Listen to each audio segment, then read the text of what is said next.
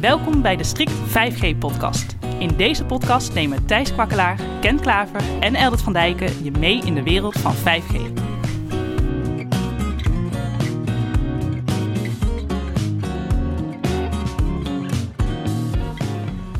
Dit is de Strict 5G-podcast. Ik ben Thijs. Ik ben Eldert. En ik ben Ken. Zoals bij heel veel technologie is er steeds meer een verschuiving naar de cloud. We hebben hier in podcast 13 ook al over gehad. Lang geleden. Lang geleden. Toen hebben we het vooral gehad over de cloud security, dus de veiligheid en wat je kan doen als gebruiker en wat operators en providers en fabrikanten allemaal doen.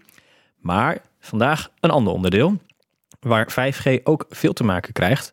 En dat is eigenlijk het gemakkelijk kunnen koppelen door middel van API's. Maar allereerst, wat zijn dat, API's? Een API, dat staat, dat is een mooie afkorting, staat voor Application Programming Interface. En het is eigenlijk een set van afspraken of een bibliotheek met commando's waarbij je eh, de ene applicatie kan laten praten met de andere. Bijvoorbeeld, je hebt een app op je smartphone waarmee je boekingen doet. Vlucht, een vlucht boekt. Of laten we zeggen booking.com. Dus die smartphone app, die praat met een applicatie die bij booking.com draait. Of die praat met een applicatie eh, die bij een luchtvaartmaatschappij draait, waarmee je vluchten kan boeken. En die set van afspraken tussen, eh, laten we zeggen, jouw mobiele smartphone app en de applicatie die bij zo'n luchtvaartmaatschappij draait. Die, die koppeling, die interface, dat is eigenlijk de application programming interface. Je kan dus een derde partij software voor schrijven om met die boekingsapplicatie te communiceren. En als je die set van afspraken dan deelt met anderen, dan kunnen zij ook praten met een andere applicatie. Ja, dat hangt natuurlijk vanaf hoe open die interface is. Hè? Maar in principe zou die, nou laten we zeggen, eh, vluchtboekingsapplicatie, specificatie zou die ter beschikking kunnen stellen aan derden. En dan kunnen die derden daar dus een applicatie voor schrijven, een app voor schrijven. Maar normaal gesproken werkt dat wel met een username wachtwoord. Dus met, of met authenticatie, eh, met certificaten. Dus het is niet zomaar dat je zegt... oh, ik heb een API gevonden, laat ik eens tegen eh, een vluchtboekingsprogramma gaan programmeren. Gelukkig niet. Eh, nee, want dat zou wel een grote chaos kunnen creëren. Dus de, de gebruikers die eh, daadwerkelijk op de, de eh, vliegmaatschappij app daadwerkelijk vluchten mogen programmeren, zijn over het algemeen gebruikers die men vertrouwt, waarvan ze ook weten van nou, als Booking.com een vlucht boekt, dan worden we er ook voor betaald en eh, komt ook een, daadwerkelijk een passagier opdagen. En dat zijn natuurlijk wel cruciale dingen. Ja. Dus er zit een heel veld aan authenticatie en security om zo'n eh, API heen. Er gaan ook persoonsgegevens heen en weer. Met sommige dingen moet je ook je wachtwoord of je Oh ja. eh, paspoortgegevens invullen, weet je wel. Dus dat zijn best wel privacygevoelige informatie. Ja. Dus eh, En zijn er dan ook andere voorbeelden te noemen van, van API's die we zo in het dagelijks leven eh, tegen zouden komen? Nou, we komen ze niet eh, zelf tegen, maar eigenlijk alles wat je op je smartphone doet, heeft ergens aan de achterkant een app die jou informatie geeft, die weer van andere bronnen vaak allerlei informatie haalt. Dus als je naar een eh, weerradar kijkt en van nou, wordt het mooi weer dit weekend, dan zul je zien dat die informatie ergens van een weerradar wordt gehaald en die wordt weer met een API opgevraagd. En daarbij zijn allerlei andere informatiebronnen die geraadpleegd wordt, eigenlijk altijd met API-koppelingen. Dus het is, eh, wat ik van sommige apps begreep, zitten er wel 10 API-koppelingen op om jou een klein stukje informatie op je smartphone te tonen. Dus de, de hele wereld van de software, waar allerlei systemen steeds meer aan elkaar gekoppeld worden, is vergeven van de API's. En als we dit dan ook weer terugbrengen naar waar de podcast over gaat, 5G. eh, wat doen API's bij 5G? Nou, nog niet zo heel veel. En dat is ook waar juist deze podcast over gaat. Omdat de mobiele operators met z'n allen hebben eh, verkondigd dat ze veel meer met API's willen doen. En vooral dat die API's gestandaardiseerd zijn voor grote groepen operators. En dat is het nieuwe. Want tot nu toe, op het moment dat je met een bepaalde operator een eh, intelligente koppeling wil maken, is dat een integratieproject van heb ik jou daar. En over het algemeen zijn kleine bedrijven niet in staat om de manpower te vinden, de inzet, de kosten die daarmee gemoeid zijn, om zo'n API-koppeling te realiseren. Bovendien, als je zo'n project in Nederland hebt gedaan met Vodafone Ziggo en T-Mobile en KPN, en je zegt dan laat ik het ook eens in België proberen of in Duitsland, dan begint dat hele circus van vooraf aan. En is het dus ongelooflijk veel werk. En is dus eigenlijk elke mobiele operator waar je daadwerkelijk een dienst dan voor wil maken of aan wil koppelen, is een project aan zich. En het kan maar zo zijn dat die API in Duitsland net wat andere specificatie heeft dan de API die je in België gebruikt of die je van eh, een Nederlandse operator hebt. En dan zal tussen Nederlandse operators waarschijnlijk ook nog verschillende eisen gesteld worden. Want de ene heeft het ene security beleid en de andere heeft het andere security beleid. En wat ook nog wel eens voorkomt, is dat die API-interface door de fabrikant gewijzigd wordt. Ik heb bij een bedrijf gewerkt waarbij we ook tegen Twitter aanprogrammeerden. En op een gegeven moment zei Twitter van nou, deze API doen we niet meer. We gaan overstappen op een nieuwe uh, call en die moet je met een andere technologie laten werken of met een andere authenticatie. Dus uh, succes. Ik weet wel dat jij een app naar ons hebt geprogrammeerd. Daar hebben we ooit toestemming voor gegeven. Maar het interesseert ons niks. We doen het nu niet meer. Hm. Was een, als een platform van versie wordt verhoogd omdat er nieuwe functionaliteit is of weet ik het, dan zal ook die API worden vernieuwd. Ja. Dus er is een app-update nodig op je mobiel bijvoorbeeld. Ja, en een API heeft heel veel dimensies. En één daarvan is het feit dat je best wel kan uh, happy testen of kan uh, happy programmeren, heet het dan ook vaak, heb ik geleerd. Ik hoop dat ik de term goed onthouden heb. Maar dat je zeg maar, uh, als alles goed gaat, is het programmeren van een API een fluitje van een cent. Want meestal krijg je een XML-bestand, zoiets als wat lijkt op wat je onder elke webpagina hebt. En in zo'n XML-bestand staat bijvoorbeeld precies gespecificeerd wat je moet sturen om een bepaald antwoord te krijgen. Alleen wat heel veel programmeerwerk vergt, is alle uitzonderingen ook programmeren. Dus niet alleen als het uh, helemaal goed gaat, maar ook stel dat je een verkeerde gebruiker de gegevens van opvraagt, die niet in het systeem staan. Of dat je de verkeerde, commando stuurt, of de verkeerde parameter. En daar kunnen 101 verschillende uh, fouten gemaakt worden in het uitvragen. En op het moment dat je daar niet voor programmeert uh, en ook in de antwoorden, dat je daar goed mee omgaat, zie je dat een app die een klein beetje een verkeerd antwoord krijgt van een ander systeem, acuut in de stress schiet. En dat is wat je natuurlijk wil voorkomen. Dus het programmeren van een API aan zich is niet veel werk, maar om het goed te doen is meestal een week of twee werk. En is dat dan ook de reden waarom we nog geen API's zien bij 5G? Ik denk dat het ook te maken had met uh, wat voor diensten je bij operators kan halen. En tot nu toe zijn operators uh, in staat om heel veel data door hun systemen te laten gaan. Maar op het moment dat je zegt, ja, maar ik wil van deze gebruiker even graag wat allerlei informatie opvragen. Nou, dan heb je al hele lastige discussies ten aanzien van AVG. En mag dit überhaupt? Uh, er zijn discussies ten aanzien van netneutraliteit. Hè? Dus als je een bepaalde gebruiker bepaalde informatie of voorrang wil geven, dan zijn daar weer allerlei regels over. En op het moment dat je dan uh, zegt ja, maar ik heb iets nieuws verzonnen, dus ik wil het nu bij T-Mobile toepassen. En dan zegt T-Mobile, oh ja, dat ondersteunen wij niet. Uh, dat, wij hebben namelijk iets anders daarvoor. En dan, dan is het echt een project aan zich voor elke operator. En daardoor denk ik ook dat, dat die hele markt van, van additionele diensten op basis van operator interface, daar wordt al een jaar of twintig over nagedacht en hard aan gewerkt.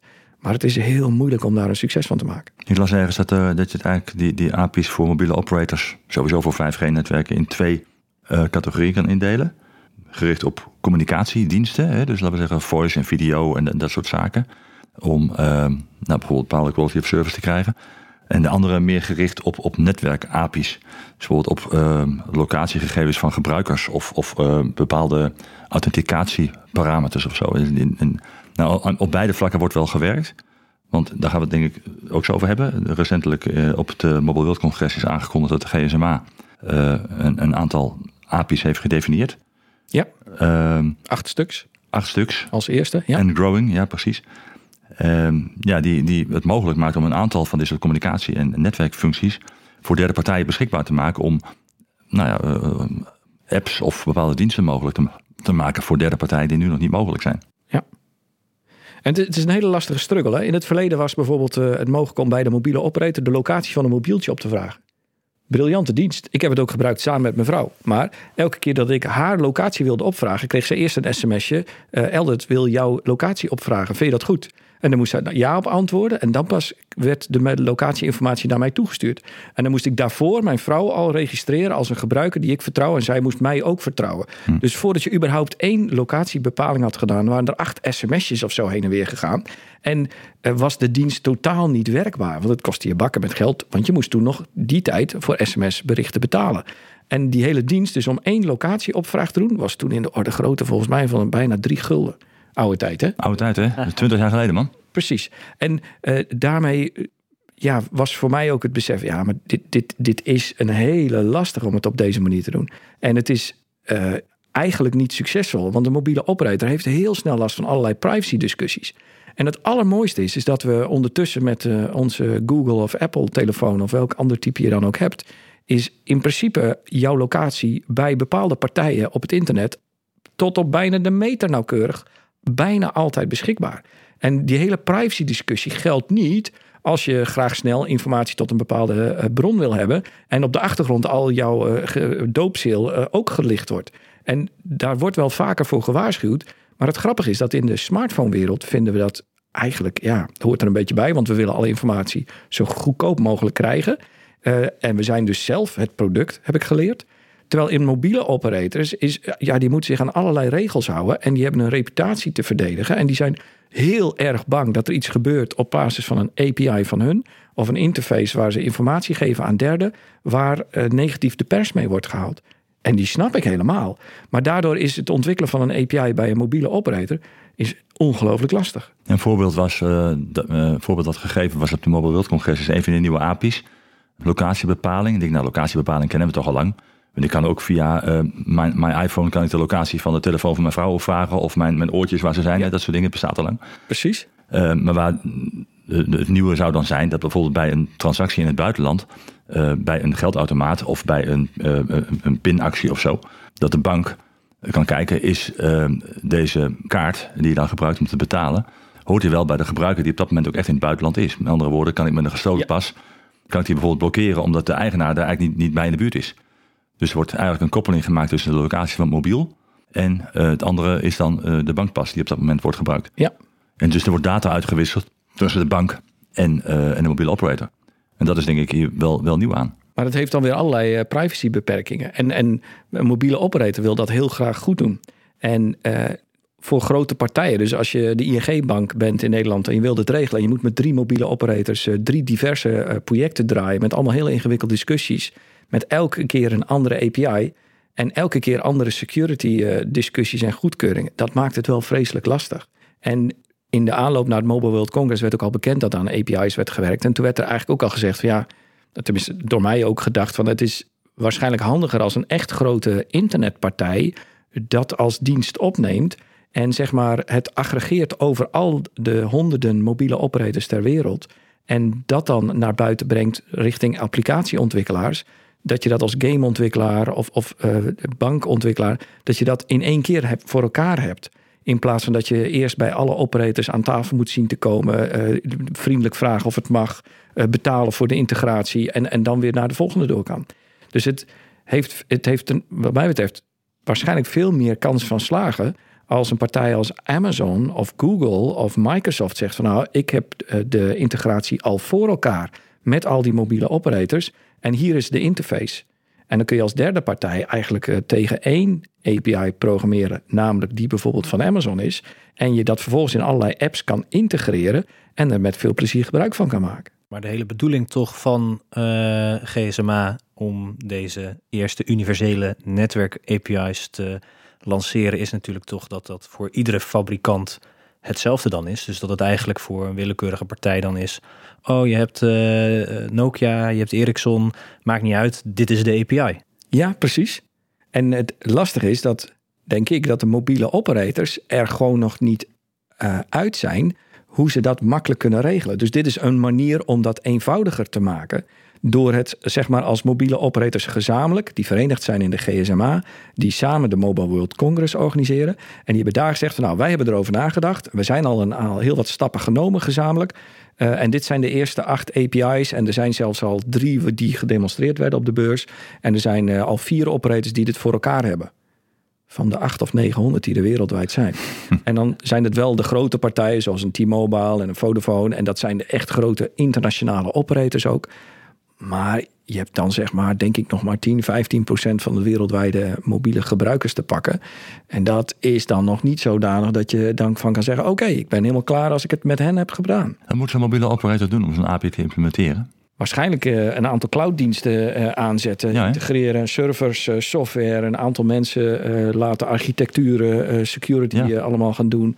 met softwareleveranciers praten om het voor elkaar te boksen. Dat is een API, want die API die gedefinieerd is, neem ik aan een soort protocolstack van dit zijn de commando's en de bibliotheek van commando's die je kan doen om bepaalde functionaliteit te bereiken. Ja. Dat moet natuurlijk gebouwd worden. Ja. Nou, ik weet niet hoe ver die specificatie van, van de GSMA daarin gaat. Niet? Nou, voilà. Dus daar zit het werk. Dat vroeg mij dus eigenlijk af. Ja, wat zij gespecificeerd hebben is de voorkant. Ja. Uh, dus hoe je het naar derde brengt. Dus alles wat je. En dit is een hele goede vraag die je stelt, Ken. Eigenlijk alles wat daarachter zit bij de mobiele operator. Dat is een project aan zich. Ja, exact. En dat is bij elke operator anders, want andere apparatuur en andere uh, inrichting van hun netwerk, noem maar op. Ja, de ene is gestandardiseerd op Red Hat en de andere is gestandardiseerd op een andere uh, operating of een ander stukje hardware. En dat, daar heb je wel mee te maken. Ja. En de ene heeft een uh, Huawei core netwerk en oh, dat zijn er niet zoveel meer. Hm. En de andere heeft een, een Ericsson core netwerk of een Nokia of, of weer een ander. Ja. En, en daar heb je allemaal wel mee te maken. Dus het is, het is wel echt een uitdaging om per operator per API om het in de lucht te krijgen. Vervolgens zit er ook gewoon nog werk in onderhoud. Hè, want je hebt regelmatig software-updates die voorbij komen. En je hebt afstemming te doen met een hele hoop partijen die erop ingekoppeld zijn. Dus dat is een hele ingewikkelde matrix met heel veel partijen. Ja, ik geloof er dan bijna niet meer in. Nou, ja, ik zie wel de voordelen van de functionaliteit.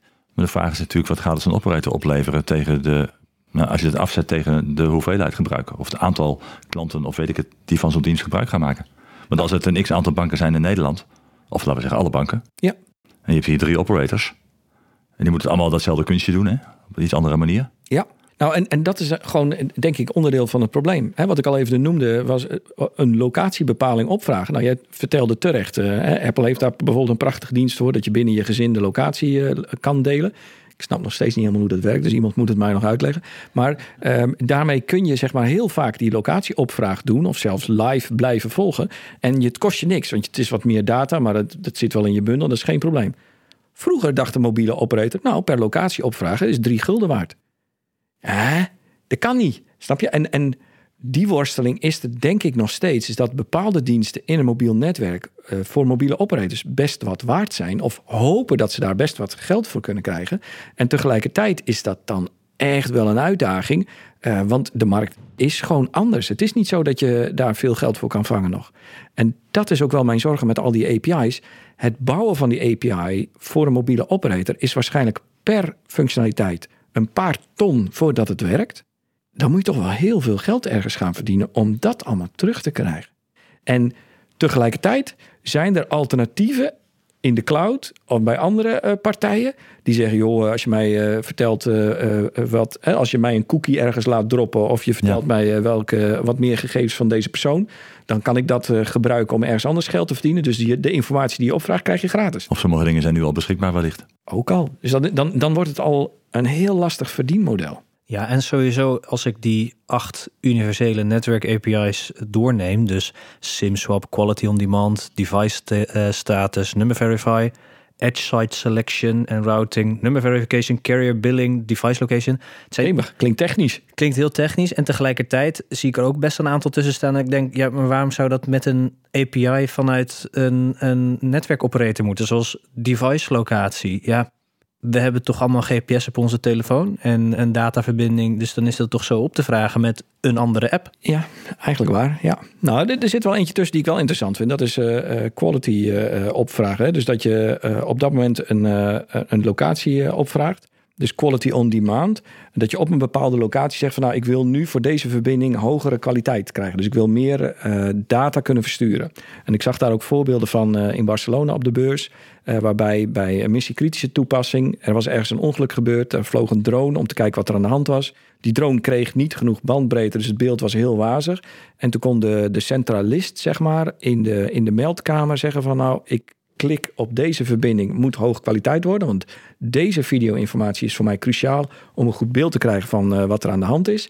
En op dat moment werd, uh, kreeg die verbinding dan hoge kwaliteit toegewezen. Nou, als die API bij alle mobiele operators uh, werkt en allemaal exact hetzelfde is, zou ik zeggen, hé, hey, gaaf. Ja, zeker. Zover zijn we nog niet. Hm. En de manier waarop je dat moet aanvragen en de manier waarop je dat moet regelen. Dit is zeg maar een, een begin van 5G slicing. Juist, dat wil ik net zeggen. Een Ja. slicing dienst. Ja. En uh, daarvan zeggen wij, dit is briljant. Hè? Voor bepaalde toepassingen is dit... Op bepaalde voor locaties, uh, netwerk, bandbreedte, dat soort zaken. Precies. Ja. En er komt een rekening aan. Hè? Dus dat, daar moet je wel mee rekening houden. Dus als je zegt, nou, je hebt vandaag drie keer een uh, hoogkwaliteitsverbinding gevraagd, kan ik even vangen. Dus dat hoort er natuurlijk bij. Ja. Uh, maar dit, dit zou nog wel iets zijn waarvan van, ah, oké, okay, nou, hier heb ik een toepassing van gezien die wel relevant is. En misschien zijn die er ook wel te verzinnen van al die andere. Maar gaan gebruikers daar echt serieus geld voor? Of zijn er, ja, of zijn er andere oplossingen? Bijvoorbeeld, uh, wat hadden we? Sims, ja. SimSwap of zo. Hè? Is ook ja, een, een, beveiligingsding om te, voor te voorkomen, om te voorkomen dat je uh, nou, device wordt misbruikt of je simkaart wordt misbruikt. Je kan natuurlijk met authenticatie nu al een heleboel dingen regelen. Ja. Je kan natuurlijk zorgen dat die sim alleen bij dat mobieltje eh, werkt of zo. Eh, dus er zijn volgens mij andere middelen om hetzelfde te bereiken. Misschien op een iets andere technische manier. Of daar nu deze API heel veel, veel voor gebruikt zal worden. Ja. Ja, het voelt voor mij deze, deze lijst als een stukje van, nou ja, kijk, dit gaat er in de toekomst allemaal aankomen. En eh, hoe mooi is dit? Eh, maar tegelijkertijd ook nog echt weinig doordacht. En nou ja, hoezeer dit ook in de toekomst werkelijkheid gaat worden, is ook nog maar echt de vraag. Zeker als ik jullie zo ook zo hoor, dat nou ja, 800, 900 operators zouden dit universeel moeten gaan implementeren. Nou, het is ook nog maar de vraag of ze dat gaan doen, omdat het ook nog echt wel wat gaat kosten dan. Correct, ja. Nou, de, vraag is, En- de vraag is of het allemaal moeten natuurlijk. Het kan ook zijn dat, dat een bank of een operator zegt van nou, dit vind ik, dit is voor mij een toegevoegde waarde. eh, extra beveiligingslaag bied ik aan mijn klanten. En klanten zijn bereid daarvoor te betalen. Dan heb je een businessmodel. Ja, maar gaat dan jouw bankoverschrijding, eh, als je betaalt bij de supermarkt, eh, dan 50 cent extra kosten? Nou, geen idee. Hè? Maar, dat, bedoel, maar daar, daar zit wel daar zit iets in. Daar, daar, daar zou je over kunnen, over kunnen twisten, zeg maar. Ja, nee, precies. Dus- Maar Zonder dat iedereen verplicht is om deze API's te implementeren. Je kan zeggen, nou, de ene onderscheidt zich van de andere omdat hij deze dienst wel biedt tegen betaling. Ja. En anderen zeggen van, nou ja, ik zie het helemaal niet zitten, want het is eh, voor mij eigenlijk veel te duur. Ga het gewoon niet doen. consument is dat toch gewoon dan niet meer te overzien. Eh, stel ik zit bij de ABN en ik ben klant bij KPN. Nou, dan kan ik wel eh, dat koppelen en eh, zorgen dat als mijn pinpas ergens misbruikt wordt, dat die automatisch geblokkeerd wordt. Maar stap ik over naar, eh, naar Vodafone of T-Mobile, dan kan dat ineens niet, omdat die provider toevallig die API niet heeft geïmplementeerd. Nou, en dat is de reden ook waarom implementaties van nieuwe diensten bij banken vaak best wat vertraging hebben. Omdat ze eerst dat eigenlijk bij alle mobiele operators voor elkaar willen hebben. Om te voorkomen dat je dit soort klantvragen zou krijgen. Dus daar zit men echt wel heel erg op te Ja. kijken. Ja. En dat maakt dus ook de implementatie van, van dit soort dingen eh, ja, tijdrovend, kostbaar en, en heel lastig. En ik heb bij meerdere plekken al gezien dat, dat er van tevoren misschien niet altijd wordt nagedacht over wat is dit uiteindelijk waard en hoe gaan we hier geld aan verdienen. En die zorg heb ik eigenlijk ook over, over deze API's. Dus een beetje ook hetzelfde wat jij net zei, eh, Thijs. Van ja, hoe, hoe gaat dit allemaal goed komen? En ik ben een klein beetje bang dat deze API's ontstaan zijn op basis van kijk eens wat wij kunnen. In plaats van dat je naar de markt toe gaat en vraagt: wat zouden jullie Daar is interessant behoefte vinden? aan. Precies. En waar kunnen we geld voor vragen? Want dat is helemaal wat hierachter zit, achter die API's. Mobiele operators willen graag meer geld verdienen met hun mobiele netwerk. En ik zie eigenlijk continu de vraag en de uitdaging: gaat dat mobiele netwerk steeds meer intelligente diensten leveren? Eh, Heeft het meerwaarde of wordt het gewoon een bitpijp waarin zoveel mogelijk eh, IP-pakketjes zo snel mogelijk er doorheen gaan voor zoveel mogelijk gebruikers op zoveel mogelijk locaties en verder niet de ingewikkelde dingen vragen? Dat is niet voor niks dat er een aantal workshops waren op Mobile World Congress die gingen over monetizing 5G. Ja, zeker. Hoe kan je dan echt geld mee gaan verdienen? Ja, en dit is een van de initiatieven die daarover Juist. zijn. Ja, ja. En op het moment dat je dan vooral nadenkt van ik ga hier geld aan verdienen, want en die vraag is niet beantwoord, ja, dat is een hele lastige. Dus ik, ik, ik, ik worstel daar wel mee om te kijken van wat is de toekomst hiervan. En als een Amazon, wat ik dus zei, een, een, grote partij met al die operators dit voor elkaar heeft en die hebben veel programmeurs en die hebben veel mensen die, die dit soort dingen als clouddienst heel goed kunnen beheren en dan vervolgens aan anderen aanbieden en dat monetizen, want dat is hun vak. Ja, dan denk ik dat het eh, eh, succesvol kan zijn. En de ambitie om voor al deze diensten eh, daarmee veel geld te gaan verdienen, die is denk ik, eh, ja, dat is echt te ambitieus. API's zijn dus een grote hoop voor operators om in de toekomst toch maar eindelijk eens geld aan te kunnen verdienen aan 5G. Maar wij moeten nog maar eens zien of dit ook een werkelijkheid gaat worden. Tot die tijd, de eerste keer dat. Eldert. Ja, ik heb nog wel een aardige. Dit jaar, eh, of deze week dat wij dit opnemen, was ook het 50-jarig eh, jubileum van de eerste mobiel inter of een mobiele telefoongesprek. En dat was in 1973 in Amerika uitgevoerd. Dus daar is nog wat leuks over het internet eh, te vinden. Ik moest even terugdenken aan de eerste keer dat ik eh, een mobiele telefoon zag. En dat was echt een ingebouwde in de auto. En eh, toen ik nog student was, kreeg ik de auto van mijn oom voor weinig overgenomen. Fles whisky, geloof ik. En dat was een Passat uit 1978. En die Passat had ook een autotelefoon antenne op het dak. Dus de eerste keer dat ik met die auto rondreed, zaten een hele hoop mensen naar mij aan te kijken. Van rijdt daar een studentje van een jaar of 19 in een knalgele, dus hij viel echt serieus op, hè? Een knalgele Passat Station Wagon. Eh, en ik ben ja, ik hou nog wel van windsurf en zeker die tijd eh, behoorlijk gek. Dus er zat een enorme Mistral windsurfsticker over de achteruit. Van links naar rechts. Die moest ik afsnijden om ertussen te passen. dus het was wel een opvallende auto. Met daarbovenop een autotelefoonantenne. Dus ik stond ook een keer ergens en ik werd door wat eh, beambten eh, eh, aangesproken van... hey, hoezo heb jij een autotelefoon? Dus ik moest uitleggen, nee, deze auto is van mijn oom geweest. En mijn oom reed heel veel kilometers. Die moest overal zijn om dingen te coördineren. En daarom had hij een autotelefoon in de auto laten inbouwen. Maar nee, het is geen dure leaseauto. Het is geen directeursauto. Maar toch zit er een echte autotelefoonantenne op. In die tijd namelijk waren er heel veel mensen die, een, die hadden een plakantenne voor een autotelefoon op hun auto. Dus ik praat over 88, 89, het jaar 1990. In die tijd, als je een plakantenne op je auto had, wat net leek alsof je een echte autotelefoon had, dan was je de man. Hè? Dus in dat opzicht zat men ook te kijken. Jij bent zeker zo iemand die zo'n plakantenne heeft. Nee, nee, ik durf hem er niet af te halen, want dan krijg ik een roestplek. dan heb ik gewoon een gat in mijn dak. Dus ik moet hem laten zitten. Uh, maar ik hoorde wel van iemand die uh, heel enthousiast uh, in, in de file aan het bellen was. En dat er een persoon met pannen achter hem stond en die op het raam klopte van help, help, mag ik misschien even bellen? En dat die meneer met schaamrood op zijn kaken moest uitleggen dat hij een plakantenne had en een nep hoorn aan zijn hoofd. Om zo vooral te laten zien dat hij als een van de eerste, hè, de eerste keer dat, een autotelefoon had. die toch niet helemaal werkte. Het was maar speelgoed. Zo'n plakantenne heb ik ook nog gehad, ik durf het bijna niet te zeggen. maar dan een echte. Had, en waarom had jij die? Nou ja, ik werkte toen bij uh, uh, de politie. En toen had ik een buitendienstfunctie. En toen mocht ik in mijn Peugeotje 205 mocht ik een echte autotelefoon.